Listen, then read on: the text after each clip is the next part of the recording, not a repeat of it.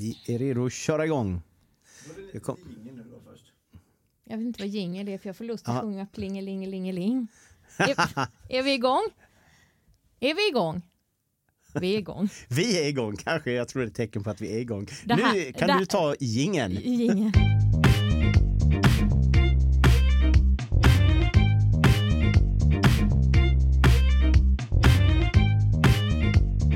Välkommen till eftersnack. Eftersnack, det är podden där vi följer upp söndagens mässa och allt som hände kring den och också går lite grann på djupet i vad predikan kan ha handlat om och alla frågor som det kan ha gett. Eh, men innan vi går vidare så måste vi väl ta dagens ordvits. Det är ju också en, ett bra sätt att få börja en podd. Det är alltid mysigt. Eh, är man en bra ordvitsare så, så söker man nya domäner hela tiden. Nu har jag sökt mig till Kalmartrakten. Kalmarordvitsar är ju ett särskilt område också eh, på ordvitsfronten. Eh, en av de absolut bästa Kalmarordvitsarna, vet du vilken det är? Nej. Det är den jag ska berätta nu. Eh, så, så här går den.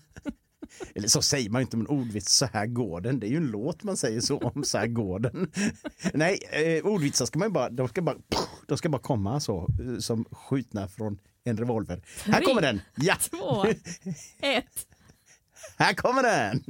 Vet du vad som är så bra med att bli opererad i Kalmar? Nej. Man får inga R. Det är ju många som upptäckt det där, särskilt vi som är hitflyttade.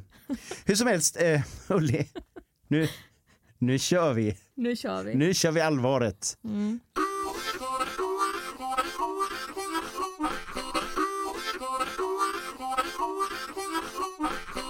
Jag, jag börjar med att fråga vad som gick fel igår. Gick någonting fel på mässan igår?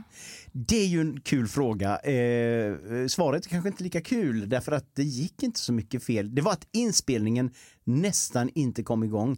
Det kändes som månlandningen ungefär ute i kontrollrummet där de kämpar och sliter och precis innan sändning får igång det. Men det slog mig en annan sak igår. Ni som är kamerafolk blir ju trötta i armen. Mm. Vi måste hitta en annan lösning för att jag märker ju särskilt du som är var mittenkameran, då får jag handen uppe länge, länge, länge. Men vi hade, vi hade ju en bra lösning igår. Tycker du J- inte? Ja, det, ni hade flaggor. Det Ja. tycker jag var en finurlig lösning. Men ni blir ju trötta i armen. Och nu har vi pratat, Oskar och lite om en annan lösning. Ja. Och som den är klart möjlig att realisera redan till nästa söndag. Det är att ni har, eh, vi opererar fast en lampa, en glödlampa, en enkel liten IKEA-lampa på en liten mössa som ni har på er. Mm. Och sen får ni tända och släcka och sen har ni det kopplat till och sen tänder ni när ni är den kameran. Den tänds uppe på ert huvud, den här lampan. Tror det kan se rätt festligt och bra ut. Jag tror att alla kommer bli otroligt glada som, som är där framme framför kameran. Ja, så det här ska ni, och det här kan vi jobba med färgkoder och så. Du har röd och den andra har blå och så vidare. Det, det här kan bli jättespännande. Jag ser fram emot detta. Ja, så det där, det där måste vi jobba på. Du, men jag kan säga att det var ett fel. Oj! Som, som, som jag kan låtsas att jag upptäckte, men det var ju inte jag. Men, men det var ju du som sa att evangeliet sa du var Matteus. Ja, ja, och det var ju Johannes. Just det. Av bara faten så, så eh, innan jag tittade ner i evangelieboken och visste mycket väl att det var Johannes, för det är nästan alltid Johannes som sagt, vi kommer tillbaka till det nu, nästan alltid Johannes. Men det bara slank ur med Matteus, men det var liksom inte så mycket att göra. Eh, så det var lite falsk marknadsföring egentligen där. Mm. Eh, det var Johannes även den här söndagen. Mm. Jag vet inte om jag ska säga att, att jag tyckte att det var en svår text. Eh, jag tycker att allt som hör till den heliga ande är supersvårt. Och nästan inte ens, eh, jag vet inte ens vad jag ska fråga. Och Men- får, ja. Ja, och du vet inte vad du ska svara på en icke-fråga. Jo, Eh, ja, men du har ställt en fråga. Egentligen har du ställt en fråga, eller det är ett påstående som jag håller med om. Alltså, det börjar kännas lite flummigt och sådär när man pratar om helig ande. Man kan på något sätt, även om Gud ju egentligen också blir väldigt flummigt Gud, det blir väldigt allmänt så, och ändå kan man köpa det en högre makt så. Någon form av högre makt sådär som vi inte vet hur den ser ut och så. Vi kan också köpa Jesus, alltså Gud blir människa, människa som talar och så, det kan vi köpa. Men ande, då börjar ju liksom, då börjar det ju snurra till i våra huvuden tror jag. Mm. Därför att vi tänker väldigt mycket kring att ja, men så fort det är andligt så är det liksom flummigt och, och, och sådär. Så jag, jag förstår dig. Ja, jag, jag, jag tycker den är svår och så tänker jag det var ju den heliga ande som kom över Maria när hon blev eh, gravid med Jesus. Och sen var det även... Du har börjat ta ett spanskt uttal Ja, det nu. blev så. Ja, ja men det, var, vi är internationella i den här podden. Ja. Eh, eh, jo, eh, den heliga ande kommer över Maria när hon blir gravid med Jesus. Och sen är också, alltså jag vet ju att Gud, Jesus och den heliga ande är en och samma. Men, ah, aja, det är ju svårt. Mm. Man kan, om man skulle försöka förenkla det, och jag tror alla förenklingar blir träffar inte helt rätt heller, de, de gör ju aldrig det, men om man försöker tänka sig att, att um, Gud är Gud eh, och att den heliga ande är Guds sätt att vara verksam utan att synas. Om man skulle gå lite på det, alltså Gud som fadern eller Gud som Gud så att säga eh, är ju inte heller synlig fast ändå som skapare. Vi kan ju se liksom verket, resultatet av Gud på något sätt i hela skapelsen. Jesus, det är ju väldigt konkret, Guds sätt att bli människa. Den kan vi köpa. Och då skulle man kunna säga att den helige Ande är just Guds sätt att osynligt ändå vara hos oss och vara verksam hos oss och agera i vår värld. För det, det är ju därför det är så bra du tog upp exemplet med, med Maria och Jesus. Där att eh, det, när det händer någonting eh, så är Gud verksam osynligt. Och det är han där. Och, och då har jag en fråga, för alltså som jag fattade igår på din predikan så är det ju så att när Jesus då försvinner från jorden som han ju gjorde på Kristi himmelfärdsdag eh, då finns han kvar som den heliga ande. Mm. Eh, ja men så här då. Är, det, är, är, den helig, är den heliga ande annorlunda före Jesus föddes och efter? Är, åh, vilken konstig fråga. Men innan var det bara, från, från början var det bara Gud och den heliga ande.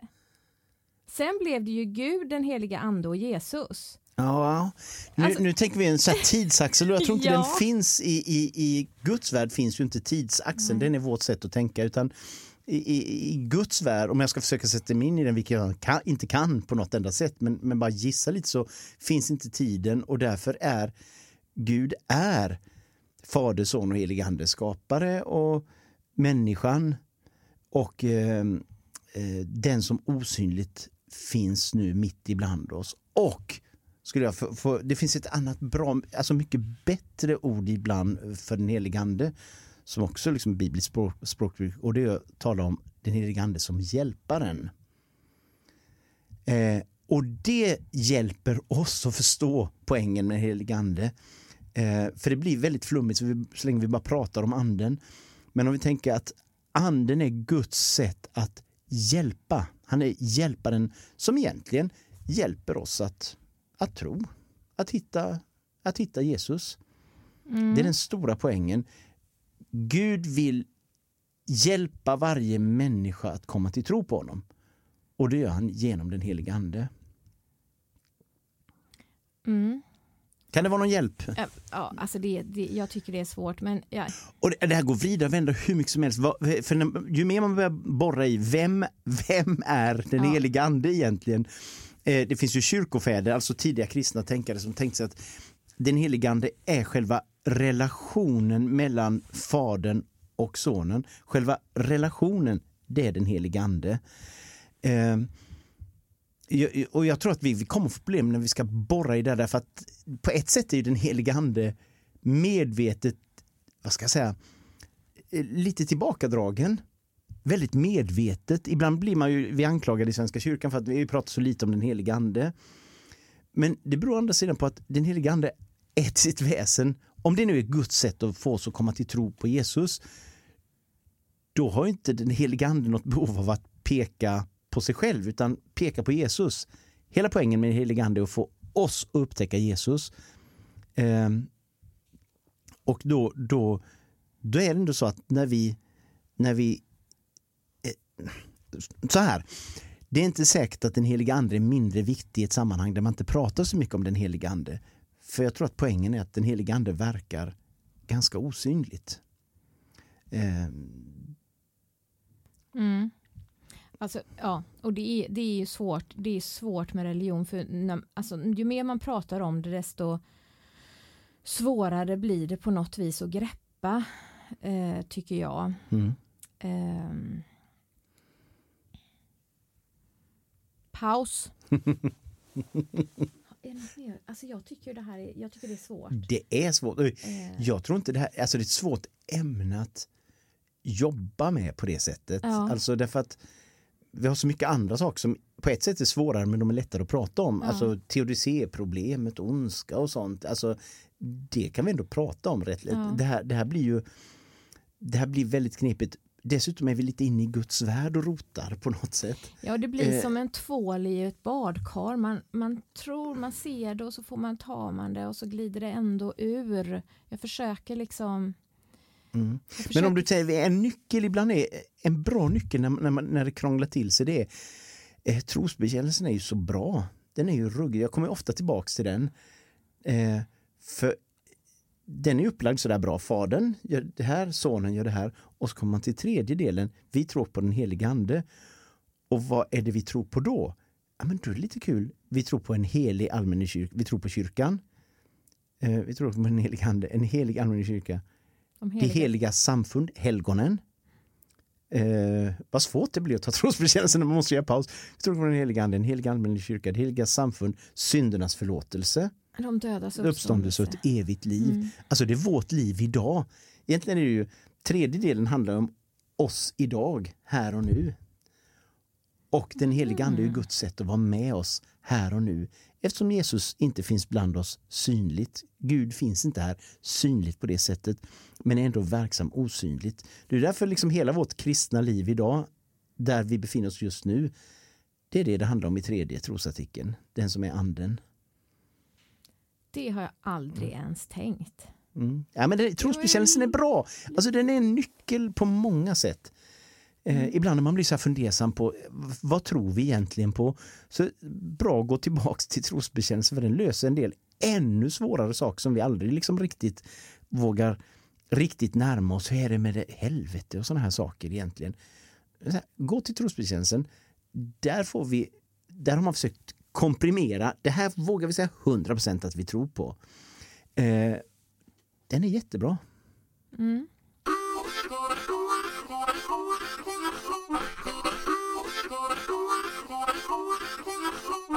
Ska vi ta någonting som är är kontroversiellt och ändå inte...